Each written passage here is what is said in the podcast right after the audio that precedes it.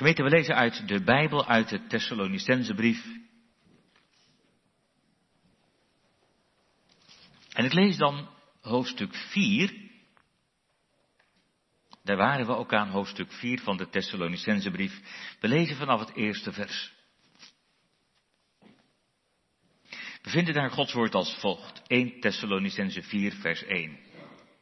Verder, broeders, vragen we u en roepen wij u er in de Heer Jezus toe op, dat u zoals u van ons ontvangen hebt hoe u moet wandelen en God behagen, daarin nog meer overvloedig wordt. Want u weet welke bevelen we u gegeven hebben op gezag van de Heer Jezus.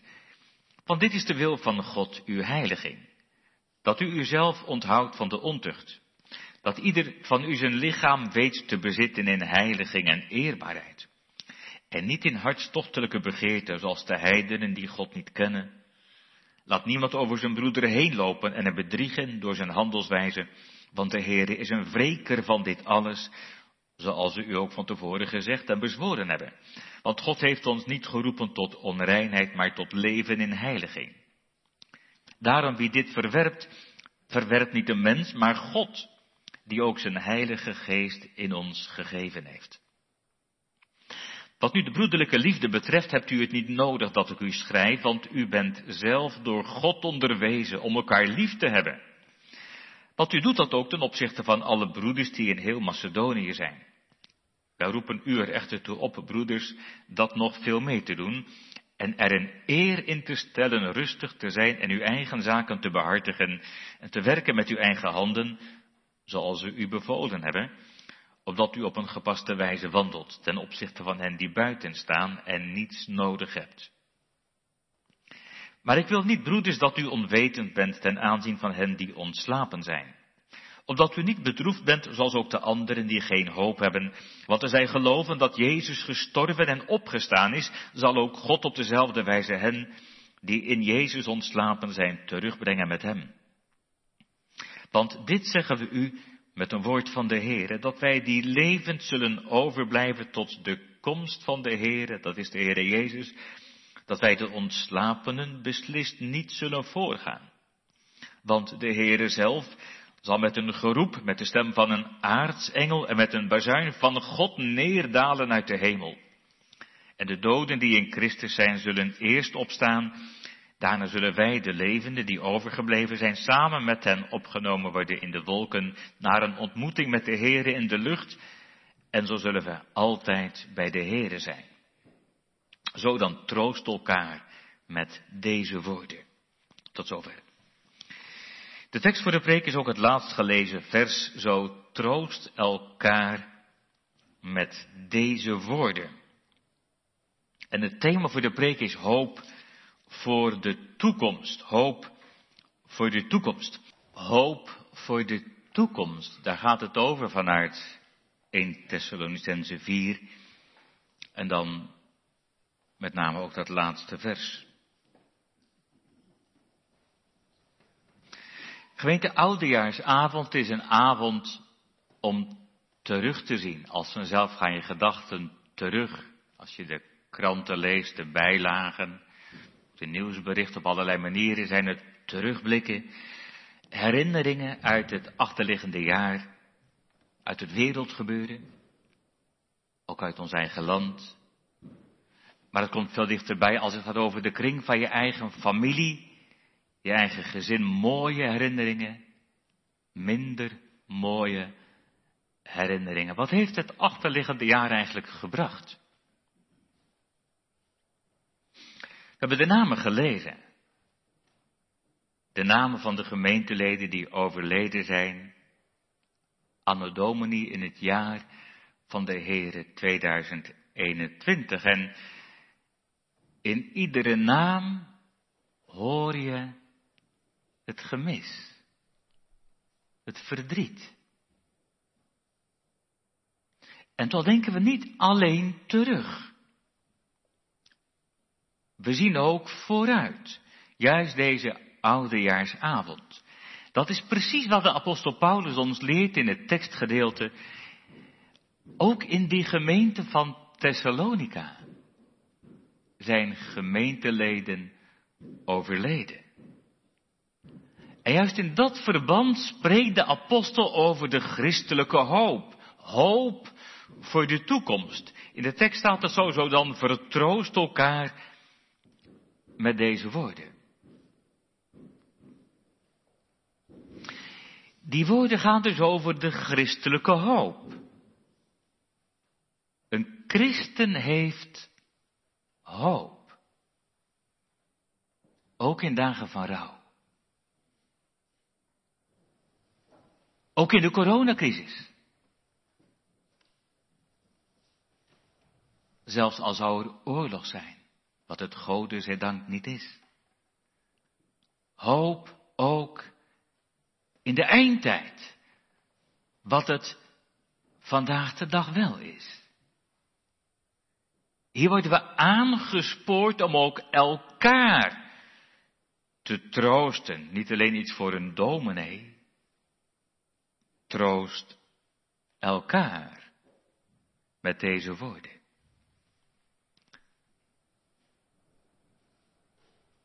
Die hoop is het geheim van het christelijk geloof. Ja, van het geloof van de kinderen van God.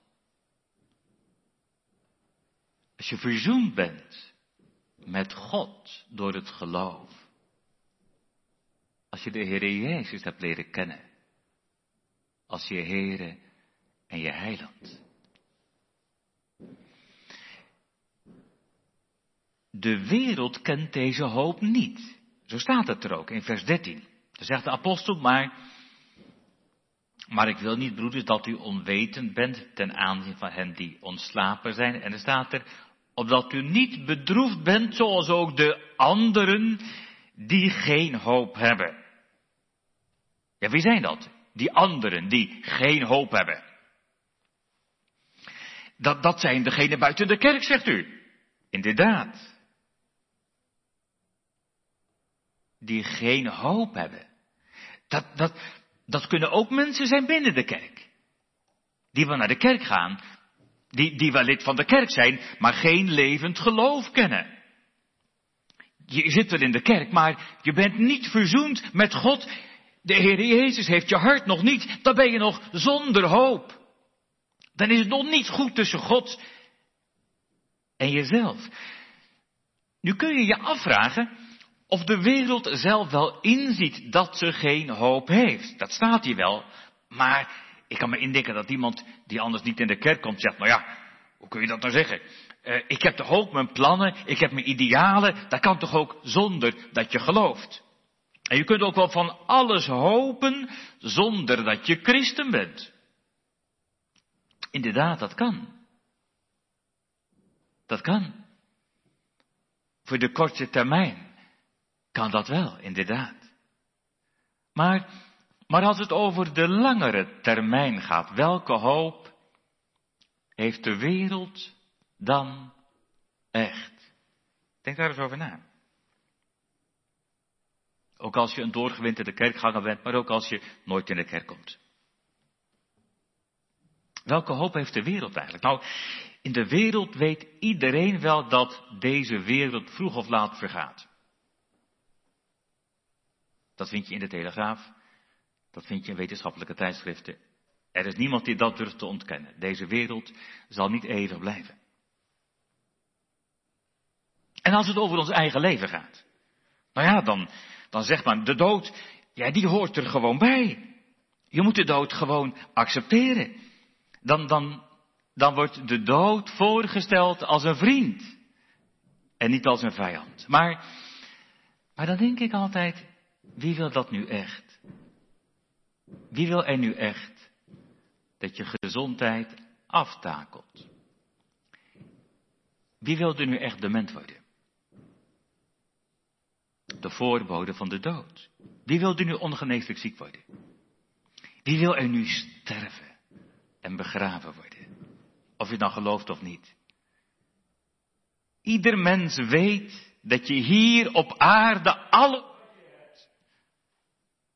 kwijtraakt als je sterft. Alles wat waarde en betekenis voor je heeft. Nou ja, zegt de wereld. Als het zover is, dan ben je er zelf niet meer. En dan weet je er niks meer van. Dat maakt het toch niet uit. Dan ben je dood. Dan is alles voorbij. Dat, dat, dat hoor je overal in de wereld om ons heen. Maar denk daar eens over na. Wie kan ons garanderen dat het werkelijk over en uit is als je sterft? Het was al een oude heidense wijsgeer, Epicurus, die zei, waar de mensen bang voor zijn, dat is niet dat de dood het einde is, maar dat de dood het einde niet is. En als het daarover gaat, is de Bijbel duidelijk. De dood is het einde niet, dat weet u. Er is een leven na dit aardse leven, een eeuwig leven. Maar ook een eeuwige dood. De Bijbel is daarin heel eerlijk. Er is een hemel, jazeker, maar er is ook een hel.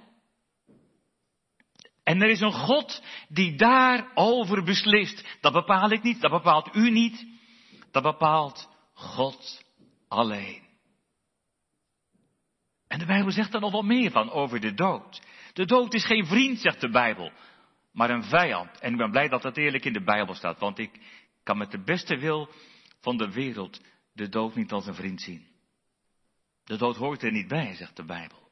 De dood heeft pas intreden in de goede schepping van God. Na de zonde van de mens. Zo zegt Gods woord dat. De dood is bijbels gezien het loon van de zonde. Piet navelzoeken Romeinen 6, vers 23, maar natuurlijk ook Genesis 3. De dood. Dat is wat er van komt als je God verlaat. En dat heeft betrekking op alle mensen. Of je nou gelovig bent of ongelovig. Alle mensen moeten sterven. Wij zijn zonen en dochters van Adam. Als het daarover gaat, dan, dan mag u van mij wel weten dat ik de begraafplaats een vreselijke plaats vind. Dan huiver je als je bedenkt wat er gebeurt met je lichaam. En voor mij gaat net zo goed dat ik daar ook eens begraven zou worden, waar het ook zal zijn.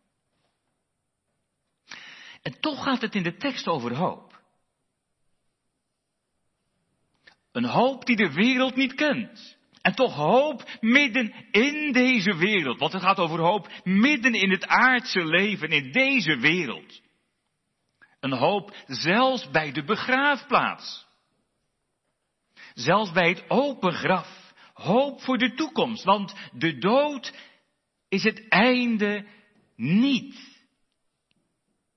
Heel wat keren ben ik met ouderling de Bruin, met Huip de Bruin, op de begraafplaats geweest. Hij was ouderling van dienst. En heel vaak las hij bij het open graf dit gedeelte. 1 Thessalonicense 4, die laatste verse. En vanaf vers 13 tot het eind. En waarom? Dan zei hij, omdat het hier gaat over de christelijke hoop. Hoop waarmee hij de rouwende familie wilde troosten. Zoals het ook staat in, in de tekst in vers 18. Hoop voor de toekomst. In het achterliggende jaar waren er begrafenissen van twee geliefde broeders in de kerkraad. Ook begrafenissen van geliefde gemeenteleden. Intens was en is dat verdriet. En toch heb ik vaak gedacht. Juist ook bij die begrafenissen, die, die ook mij als mens het meest intens raken. werd op een bijzondere wijze iets zichtbaar van die christelijke hoop, zoals het staat in de tekst, maar ook al in vers 13. Niet bedroefd, zoals ook de anderen die geen hoop hebben. Wel verdriet, maar ook hoop. Ja, is er geen verdriet? Jazeker. Zijn er geen tranen? Jazeker zijn die tranen. En, en, en de woorden die hier staan willen dat verdriet niet onderdrukken of verdrukken. Wat voelt het rouw als je wordt losgescheurd van je man, je vrouw, van je vader of je moeder of je kind. dan schieten alle woorden tekort. Dan denk ik aan de Heer Jezus. Als hij zelf komt bij het graf van iemand die hem lief is, bij Lazarus, zijn vriend. En dan begint hij niet te spreken, dan begint hij ook niet te preken. Maar weet u wat er staat van Jezus? Dat is het kortste vers in de Bijbel. Jezus weende. Dan, dan, dan zie je de tranen over zijn wangen stromen. Dat verdriet heeft zijn eigen plaats. Jazeker. En toch is het geen verdriet zoals van hen die geen hoop hebben. Er is hoop ook bij dat graf van Lazarus. En dat merk je op een heel bijzondere manier. Want wat zegt Jezus? Bij dat graf van Lazarus. Hij zegt, Lazarus. Hij zegt niet, die is dood. Nee, hij zegt, Lazarus slaapt. Hoes zeggen ze, dat klopt niet. Hij slaapt niet, hij is overleden. Kunt u dat niet zien? Nee, nee, zegt Jezus, hij slaapt. Hij weet echt wel dat hij gestorven is. Maar hij spreekt over slapen en bij de beeldspraak van dat slapen sluit Paulus hier aan. Het gaat hier over ontslapen in vers 13. Het sterven als een ontslapen. Dat wil niet zeggen dat de ziel gaat slapen, want de ziel blijft wakker, levend. Maar het gaat hier over het lichaam. Het lichaam gaat in het graf als het ware slapen. En wat wil dat zeggen? Dat het lichaam daar gaat slapen. Als iemand gaat slapen. Wat denk je dan? Ja, dat is niet voor altijd, want die wordt weer wakker. Dat hoort bij slapen, dat je wakker wordt. Dat er een dag komt dat dat lichaam, wat je achter hebt gelaten, weer wakker wordt. Maarten Luther kon dat heel plastisch zeggen. Dan zegt hij, als Jezus terugkomt, dan zal hij op mijn grafsteen kloppen. Dan zal hij roepen, Maarten Luther, word wakker.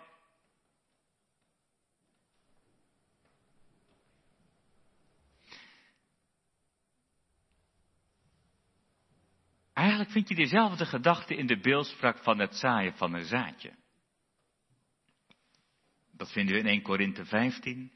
Maar het lichaam wordt gezaaid.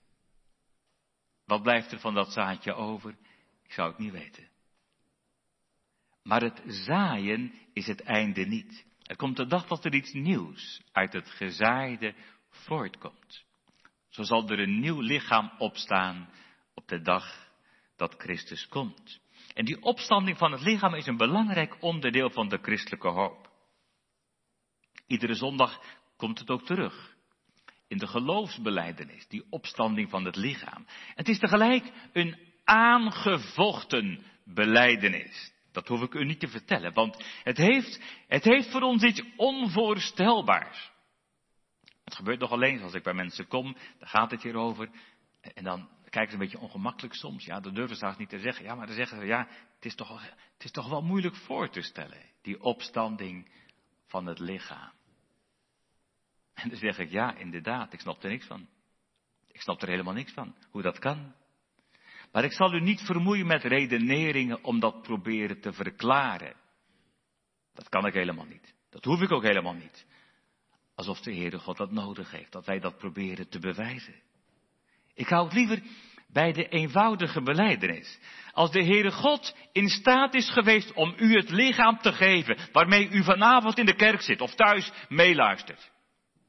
Als hij dat lichaam kon scheppen, kon maken, zou hij er niet in staat zijn om een nieuw lichaam te geven, wat toch echt uw eigen lichaam is. Waar het om gaat, dat is hoe groot of hoe klein we eigenlijk denken van God. Wat verwachten we werkelijk van God? En wat dat betreft kunnen we leren van de kinderen. Die het kinderlijk eenvoudig zingen. Mijn God is zo groot, zo sterk en zo machtig. Er is niets wat hij niet kan doen. Dat is als het ware uitdagend richting de dood en de hel en het graf. En dan toch, mijn God is zo groot. En toch hoor je dan weer dat stemmetje van de spot. Ja, maar er is nog nooit iemand teruggekomen uit de dood.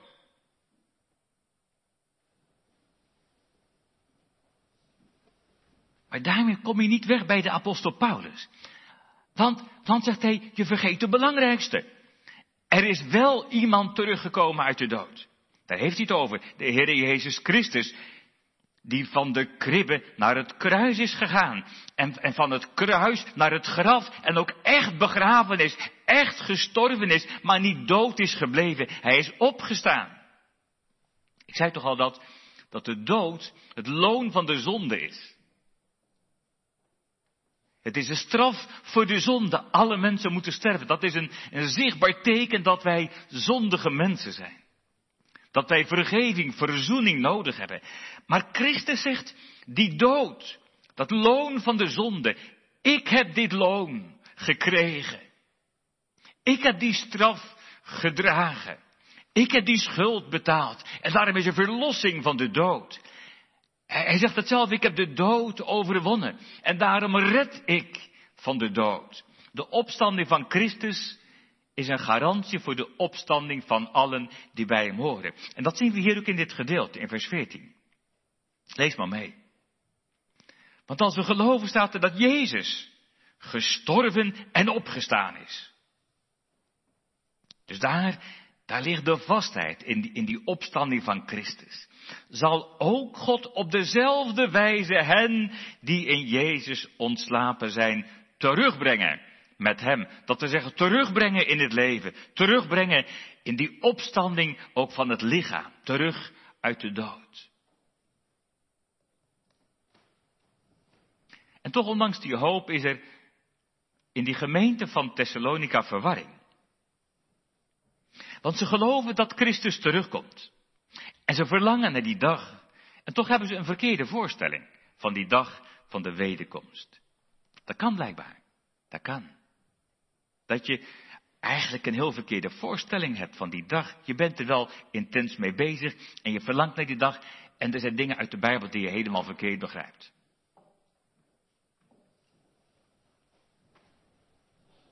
En eerlijk gezegd heb ik dat nog liever dan dat je er weinig mee bezig bent.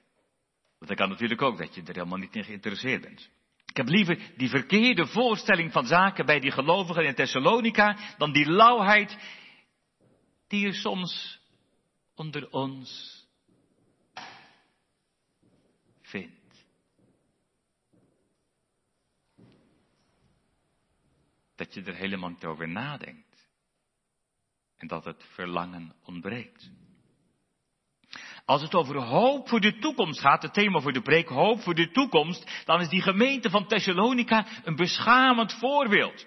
Maar zegt u, wat zien ze dan verkeerd? Vermoedelijk gingen zij ervan uit dat ze de, de wederkomst nog zouden meemaken in hun eigen aardse leven.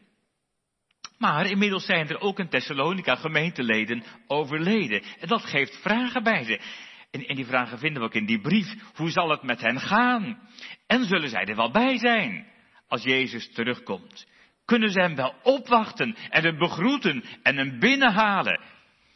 We krijgen de indruk dat ze bang zijn dat die overleden broeders en zusters achtergesteld zullen worden.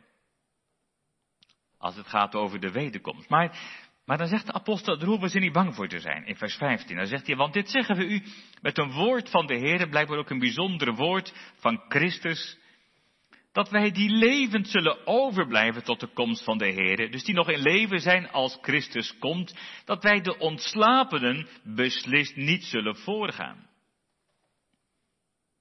En dan komt er een korte beschrijving van wat er gebeurt. In vers 16. Dat de Heere zelf, en dat is Christus met een geroep, met een bevel, met de stem van een aartsengel en met een bazuin, dat is die shofar, die ramshoren, met die shofar zal neerdalen met die krachtige bazuinstoot. Dat zal niet onopvallend zijn, zoals in de kerstnacht. Dat zal die verschijnen met macht en majesteit. En wat zal er dan gebeuren met de doden? Dan lees maar mee, vers 16 en 17. Want de Heere zal met een geroep de stem van de aartsengel en met die zijn die chauffeur van God neerdalen en de doden die in Christus zijn, zullen eerst opstaan. Daarna wij, de levenden die overgebleven zijn, zullen samen met hen opgenomen worden in de wolken. Naar een ontmoeting met de Heere in de lucht. Wat een dag zal dat zijn. Op de Munnikenhof. Wat een dag zal dat zijn. Op de Munnikenhof, maar ook overal waar mensen begraven zijn. Of waar mensen verbrand zijn. Of misschien wel de as uitgestrooid. Of waar mensen in zee verdronken zijn. En door de dieren verslonden.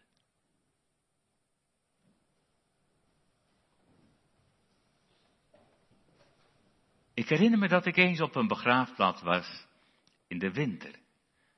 En alles was bedekt met een schitterend sneeuwwit kleed. En die sneeuw schitterde in de zon. Het had iets ontroerends. Ik liep daar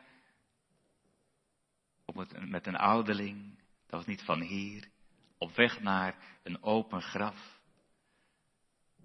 Maar we sloten elkaar aan en dat, dat schitterende schouwspel was iets als een profetie. Wat een dag zal het zijn, als al die graven opengaan en Christus komt.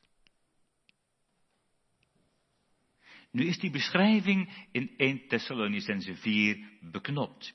Hier wordt alles toegespitst op die opstanding van het lichaam en dan vooral van de gelovigen.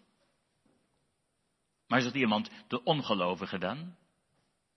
Nou, die zullen ook opstaan, zegt de Bijbel. Alle mensen zullen opstaan. En wie dat de naam zoeken, een, een hele duidelijke tekst is Johannes 5, vers 28 en 29. Daar zegt Jezus, want de tijd komt waarin allen die in de graven zijn, zijn stem zullen horen. En ze zullen eruit gaan. Zij die het goede gedaan hebben tot de opstanding van het leven.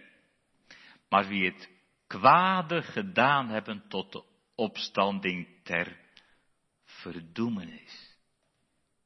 Want na die opstanding komt het oordeel. Dan is het hemel of hel. Maar hier wordt alles toegespitst op de christelijke hoop. Op die hoop voor de toekomst. Zo staat er in vers 17 het laatste stukje. Zo zullen we altijd bij de Heere, dat is de Heere Jezus zijn.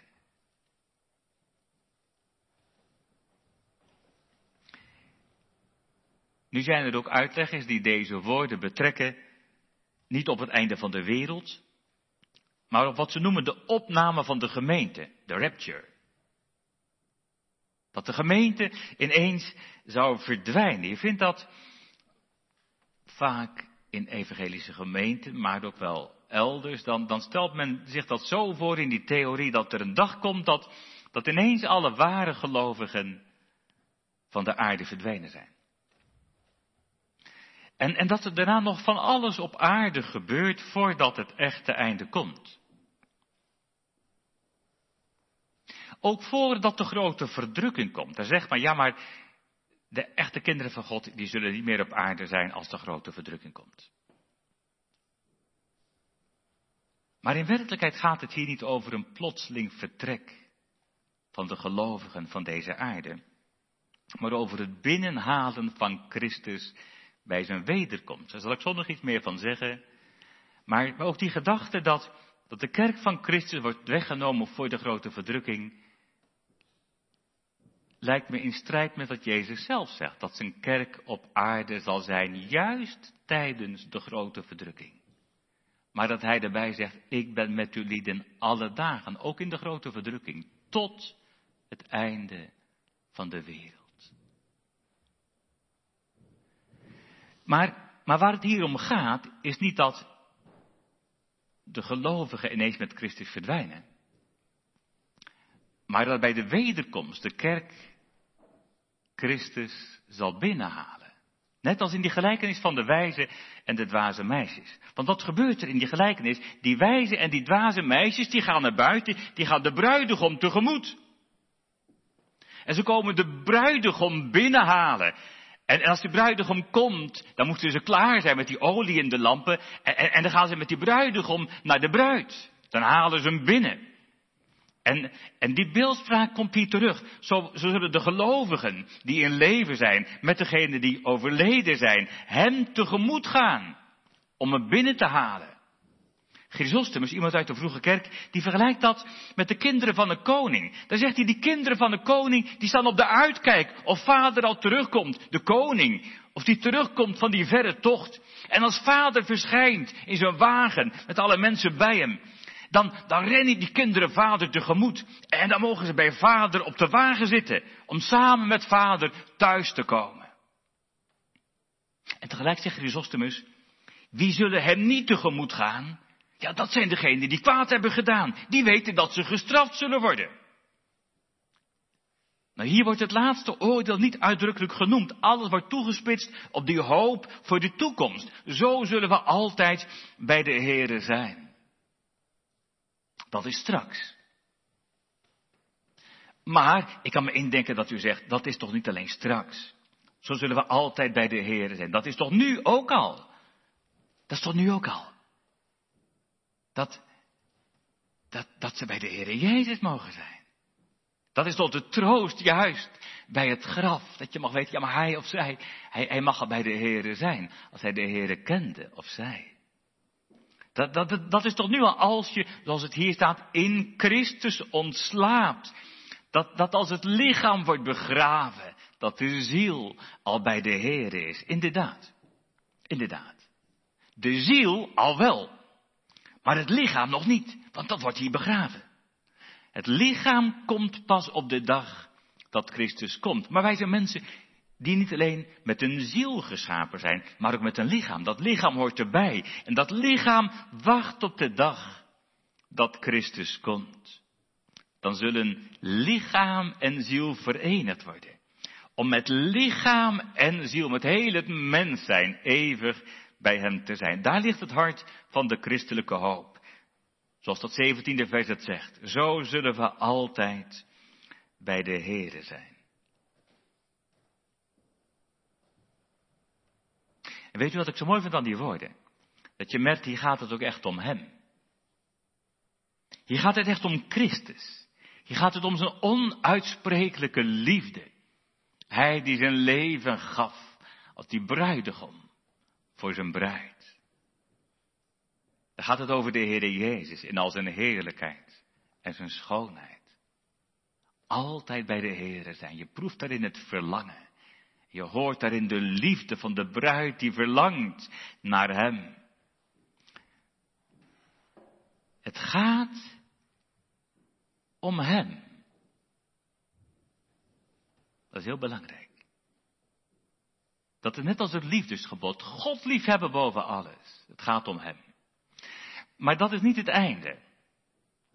Er is nog een tweede gebod aan het eerste gelijk. U weet het wel je naaste liefhebben als jezelf. En dat gebod is niet alleen voor deze aarde. Dat is ook voor de hemel. En ook voor de nieuwe hemel en de nieuwe aarde. Daar bedoel ik dit mee. Als het gaat om het zijn bij Hem, dan wil dat niet zeggen dat je langs elkaar heen loopt, alsof je elkaar niet meer ziet. Alsof je elkaar niet zou kennen.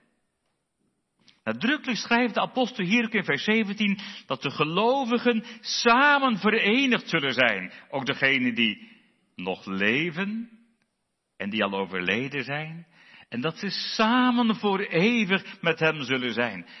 Dat is ook dat samen met elkaar, dat met al de heiligen. Daar zal ongetwijfeld herkenning zijn. Ik weet dat ik als kind de preken die ik toen hoorde vaak de indruk kreeg dat er geen herkenning zou zijn, dat het eigenlijk een rare gedachte was. Maar als je in de kerkgeschiedenis leest, in de vroege kerk, over jouw geschiedenis, maar ook bij Calvijn en Luther, dan is het, dan is het gewoon vanzelfsprekend voor hen dat er herkenning zal zijn. Misschien kent u Ryle, die heeft er een prachtig boekje over geschreven.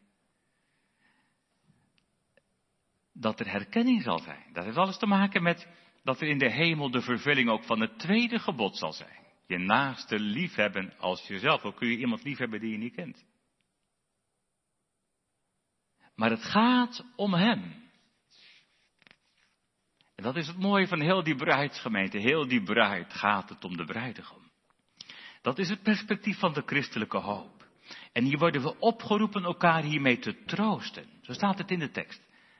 Zo dan troost elkaar met deze woorden. En dat is belangrijk, juist in deze tijd. Want ik merk maar al te goed, en ik weet heel goed, dat de dingen die hier aan de orde komen, dat het haak staat op het denken van deze wereld. En dat mensen die hier weinig van weten, dat ze zeggen wat een belachelijk gedoe en dat ze er niks van geloven. Maar dat ook wij als kerkmensen soms denken, ja maar kan het allemaal wel en hoe zal dat zijn? Want hier is alles gericht op het hier en nu. En, dat sluit precies naadloos aan op ons eigen hart van nature. Wij zetten onze zinnen op wat we zien, op wat we voelen, op wat we ervaren in het aardse leven. Maar de Heilige Geest laat je zien hoe kortzichtig dat is. De Heilige Geest richt je blik vooruit. Hij wekt hoop, hoop voor de toekomst. En dat gaat dwars tegen het denken van de wereld in. Maar juist daarom moet het hier ook over gaan. En dan gaat het ook over deze dingen. Daar is de verkondiging voor bedoeld. Wat dat betreft kunnen we leren van de leidende kerk. Ik las pas een indrukwekkend verhaal in de bijlage bij het RD. Een verslaggever die is op onderzoek gegaan naar de nabestaanden van die slachtoffers van een massale onthoofding op een Libisch strand door IS. U weet dat misschien wel, 2015. Die videobeeld van die 21 martelaren in die oranje overals, die zijn wereldwijd gegaan. Ik denk dat velen van u ze wel gezien hebben, en jullie misschien. En die journalist die heeft onlangs het Egyptische dorp Al-Oer bezocht, waar die mannen hebben gewoond. En toen hij die familie opzocht, toen had hij verwacht dat hij intens verdrietige families zou ontmoeten. En, en, en dat schrijft toch. Ik had verwacht dat ze vol vragen zouden zitten. En misschien ook vol verwijten richting God. Waarom hebt u dat toegelaten? En waarom is dat gebeurd? Maar zegt hij, de werkelijkheid was heel anders. Ik, sprak een zoon. Die had zijn vader verloren. En die miste zijn vader intens. Maar toch vertelde hij hoe trots hij was dat zijn vader een martelaar voor Jezus geworden was. Hij zei, ik begon telkens maar over twijfel en over, over boosheid. En, ze begrepen helemaal niet wat ik bedoelde. Ik merkte ook bij die andere families dat ze het als een eer beschouwden. Dat hun familielid, die ze zoveel waard was, voor Jezus martelaar had mogen zijn. Dat het heel ver van ons dagelijkse denken af, denk ik. Maar, maar het heeft alles te maken met de hoop waarover het hier gaat. Ik denk aan die woorden van de Heer Jezus, Matthäus 10, vers 28. Daar zegt hij, wees niet bevreesd voor hen die het lichaam doden. Dat deden ze van IS, die het lichaam doden en de ziel niet kunnen doden.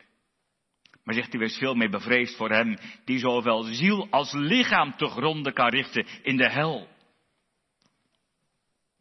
En, en u zou er nog heel veel over te zeggen zijn. En als je over die dingen nadenkt, ook over die hoop voor de toekomst, over dat eeuwige leven. Dan, dan vraag je je wel eens af, hoe zou dat zijn? Hoe zou dat zijn? Daar kun je heel veel over denken en over zeggen. Maar in de tekst wordt het heel strikt toegespitst op de kern van de zaak. Dat is weer vers 17. Zo zullen we altijd bij de Here zijn. Altijd bij Jezus. Jongelui, dat wil ik eerst aan jullie vragen. Lijkt je dat wat? Om altijd bij Jezus te zijn. En jongens en meisjes, en u, u die in de kerk zit, lijkt je dat wat? Verlang je daarnaar? Om altijd bij Jezus te zijn. Dat is het mooiste wat er is. En tegelijk valt hier de scheiding. Want als je niet om Jezus geeft, dan zul je straks niet bij Jezus zijn. Dat is het allerergste wat er is. Dan sta je er buiten. Als die dwaze meisjes zonder olie. Dan is de deur dicht. Maar vanavond staat de deur wagenwijd open. En daarom zul je daar zijn. Wie heimwee hebben, komen thuis. Zo dan troost elkaar met deze woorden. Amen.